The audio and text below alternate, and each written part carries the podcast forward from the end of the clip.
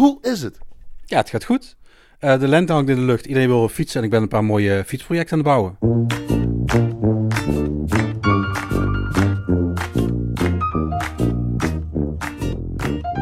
We zijn hier in jouw rijwielzaak in Venlo. En omschrijf even wat we zien vanuit jouw werkplek. Lucas Brinkhaus.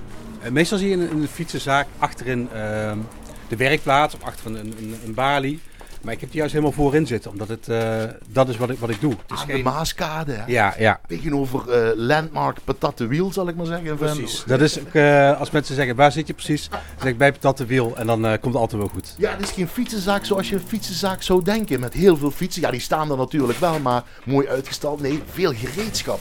Kistjes, doosjes, laadjes. Ja, als iemand een fiets wil hebben, dan ga ik kijken wat voor fiets hij precies wil hebben. En dan bouw ik die op, op bestelling. En hij heeft wel een aantal voorbeelden staan met de kans dat iemand precies die fiets zoekt. Uh, dat is niet mijn uh, manier van werken. Dus je kunt uh, zeggen, ik wil een nieuwe fiets. Ik heb zoiets in gedachten. En dan ga ik kijken naar wat de wensen zijn. En dan, dan stellen we samen zo'n fiets samen. En ook heel vaak restauratieobjecten. Dus mensen hebben een fiets van opa in de garage staan. Die is niemand te gebruiken. Willen ze eigenlijk wel iets mee gaan doen. En dan, dan ga ik kijken wat de mogelijkheden daarvoor zijn. Is dat jouw filosofie juist? Ik, ik denk dat het ook veel duurzamer is als je precies dat product hebt wat je, wat je graag wil hebben. En dat is letterlijk soms hergebruik. Maar ook als je een nieuwe fiets maakt en je bouwt die precies zoals iemand die wil hebben. Die gaat veel langer mee dan dat je een fiets ergens uit de etalage plukt. Daar heb je veel meer binding mee met, uh, met die fietsen. Dus wij moeten ook misschien naar fietsen kijken die wij in een schuur of in een garage of waar dan ook hebben staan. Daar is nog nieuw leven in te blazen. Die moeten we niet opgeven. Dus alles is te maken. Geef ik veel meer voldoening om, om uh, echt met een uitdaging aan de slag gaan. Dat je een, een, uh, een doos ervan aftrekt van de, van de fiets en de pedalen eraan zet. Dat vind ik niet zo heel spannend, nee. Wat is dat dan, die voldoening dan op dat moment? Nou, dan, dan creëer je echt, uh, echt zelf iets. Je moet misschien niet zo letterlijk zien, maar uh, ergens hebben ze gewoon wel karakter. Ook door de leeftijd krijgen ze meer karakter, misschien net als met mensen. Een ziel? Uh, ja, ook wel denk ik, ja. Nou, het is eigenlijk een heel, heel simpel product wat al, al 100 jaar hetzelfde is. En ook in de huidige maatschappij heel goed functioneert. Je ziet zelfs soms dat het hebben denkt allemaal, we moeten allemaal een auto gaan rijden. Nu gaat iedereen toch anders over denken. En je hebt de lichte elektrische voertuigen, uh, snelle elektrische fietsen, de gewone fietsen, sportfietsen. Het is altijd wel, uh, dat is een blijvertje. Wat mooi daaraan is dat het een manier uh, universeel is. Dus je kunt altijd zeggen, oh dit wiel is kapot, ik, ik regel er een nieuw wiel voor. Ook maakt niet uit hoe oud fiets is.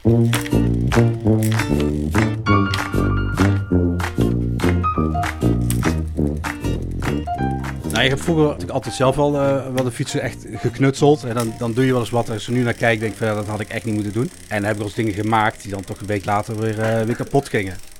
Maar daar, daar, leer je wel van. Uiteindelijk is er gekomen omdat ik, uh, was een afstudeerproject op de Design Academy. En toen had ik een fiets bedacht met een ingebouwde fietsendrager. Dus je hebt een gewoon volwaardige fiets, zet je gewoon op je trekhaak. En die klik je vast zonder tussenkomst van een, van een fietsendrager. Op die manier ja, ben ik een beetje ingerold. Wat heb je er nu nog aan? Oh, daar heb je, heb je heel veel aan. Je, wil, uh, je kijkt vooral wat, wat een klant wil. En uh, internationele um, kijk je naar een bepaalde doelgroep, um, wat die wil hebben. En dan bouw je daar bijvoorbeeld een fiets voor.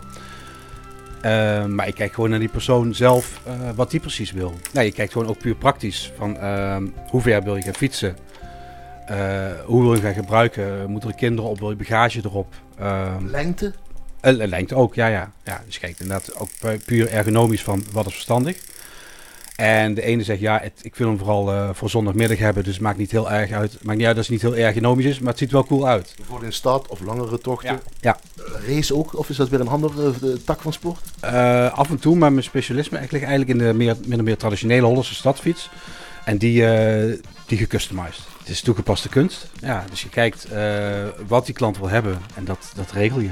Wat kun je dan van Lucas Brinkhaus in gooien? Kijk, je hebt natuurlijk een, een bepaald palet en onderdelen en, en uh, spullen die mijn voorkeur hebben.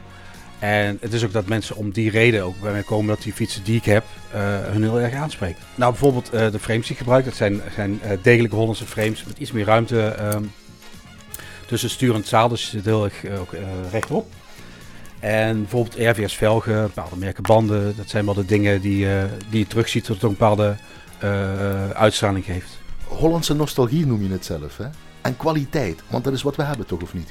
Tegenover andere landen neem ik aan. Vaak wordt hier iets meer gebruikt als pakezel ten opzichte van, uh, van andere landen. Je ziet aan een fiets vrij heel snel waar die, het welk land die, die komt. Ja, zie jij dat? Ja, dat zie je bijvoorbeeld aan een bagagedrager. In andere landen kun je niet, eh, niet- mag je soms niet eens achterop zitten. En heb je hele dunne dragertjes. Eh, en in Nederland eh, hebben we dan toch een drager waar iemand achterop kan zitten. Hoe ontwerp je dan een Lucas Brinkmans fiets? Nou, meestal is dat in mijn hoofd. Dus ik, heb een, ik zie dat allemaal voor me. Ik, ik, met de ervaring die ik heb, denk ik, ook doe dat en dat erop. En dan maak ik dan een, een overzicht van. En nou, de ene klant die zit helemaal voor zich. En de andere zegt van, ja, kun je wat voorbeelden laten zien. Laat je wat andere fietsen zien of wat plaatjes. En dan zijn er ook van, ja, ik heb geen idee, maar ik eh, geloof dat het goed komt. Dus bouwen maar. Vertrouwen. Eh, ja, ja. En kan er tijdens het maakproces nog dingen veranderen? Of is dat juist de bedoeling? Nou, meestal blijft het toch wel hetzelfde. Je loopt af en toe tegen wat, eh, wat praktische problemen aan. Dat, dat een onderdeel toch niet netjes eh, erin past. En dan kijk je soms naar een ander eh, alternatief. Heel zelden dat een klant denkt van... nou, kun je toch nog even dit en dit veranderen. Toch een bagagedrager erop. Dat, dat kan gebeuren. Maar eigenlijk heb je hem af in je hoofd. En zo komt hij ook dan ook, eh, ook eruit. Dus als het af is, is het voor mij geen verrassing wat er, wat er staat.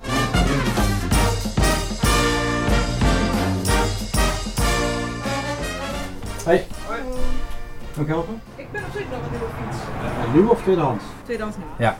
Ehm, ja, onder andere die, die eerste reis allemaal eh, te koop. Ja? Wat voor iets zoek je? Een goede fiets. Ja. Ik denk, kom even hierbij lopen. Voorbij lopen. Eh, en rond de 500 zou dat kunnen? Dat zou een optie kunnen zijn. Dan zou je bijna een, eh, een nieuw voor kunnen hebben. Ja. Bijvoorbeeld zoals die, eh, die groene daar. Ja? Dat is een nieuwe. Kun je, kun je zelf kiezen of je een drager erop wil, of die voor erop wil of niet. Maar dan gaat die prijs natuurlijk anders worden. Eh, dan, dan heb je een kleine meerprijs, ja. Deze bijvoorbeeld. Je hebt allebei eh, drie versnellingen. En daar zou ook zo'n eh, fietsrek voor op Ja, kunnen... En die kan ik eh, ook zoals bij die groene vastmaken aan het frame. Dat stuurt eh, wat fijner. Oh ja. Dan zou ik ook een proefritje willen doen, denk Ja, ik, ja, zorg fiets. dat die, eh, dat die klaar is. Ja. Ik pak even een kaartje. ja, is goed. Alsjeblieft. Dankjewel. Ik ben al ja. Dat heb ik een keer op internet van mij voorbij zien komen, ja. Wat, wat, wat toffere modellen dan Ja. de standaard fietsjes, Ja. zeg maar. Ja, ja. Oké. Die vind ik dan wel leuker, ja. Dat ik dus ergens voor zorg dat je meer binding krijgt met je fiets, zodat ik hem specifiek voor jou bouw. En vroeger deed de Smit dat ook, dat hebben we over 80 jaar geleden. En dat is eigenlijk gewoon verdwenen door de, de, grote fietsindustrie. Dat je gewoon had, eh, ja, ik, ik wil eh, blauw of groen of zwart voor dat model en dan de hoogte. En dat wa- was het wel zo'n beetje, terwijl het gewoon een hele kleine moeite is om die dingen te veranderen. Als je hem toch nog moet bouwen, die fiets. Bijvoorbeeld met, kleding, als je dat eh, speciaal voor jou een, een jurk laat maken, dan ga je er anders mee om dat je hem eh, bij H&M haalt. Zodat je meer eh, nou, respect of misschien over nadenkt waar je op zit, waar je mee te maken hebt en welk ambacht je mee bezig bent. Is dat die binding? Nou, dat is een veel bewustere keuze die je maakt. Dus het is inderdaad geen, het kan, kan geen eh, impulsaankoop zijn. Nee. Dus je gaat toch wel een aantal stappen overheen. Dat je zeker weet dat je die fiets krijgt die je wil.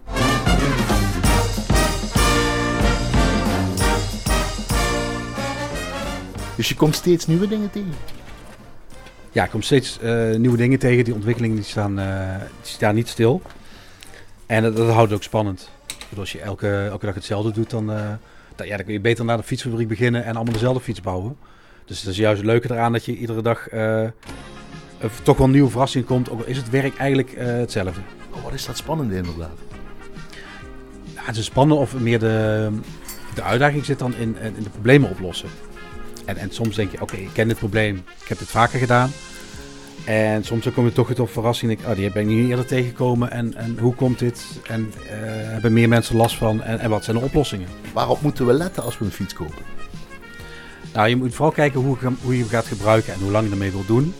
Eh, en vaak wordt gelet op de prijs. Eh, maar mijn ervaring is van als je dat te veel doet, dan verdien je dat na een paar jaar niet meer terug. Ergens moet er toch eh, bezuinigd worden dat het, eh, dat het goedkoper wordt of, of minder goed.